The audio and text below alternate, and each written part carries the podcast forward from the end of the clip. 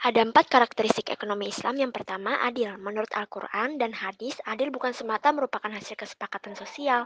Secara ringkas, adil dimaknai sebagai suatu keadaan bahwa terdapat keseimbangan atau proporsional di antara semua penyusun sistem perekonomian. Yang kedua, tumbuh sepadan.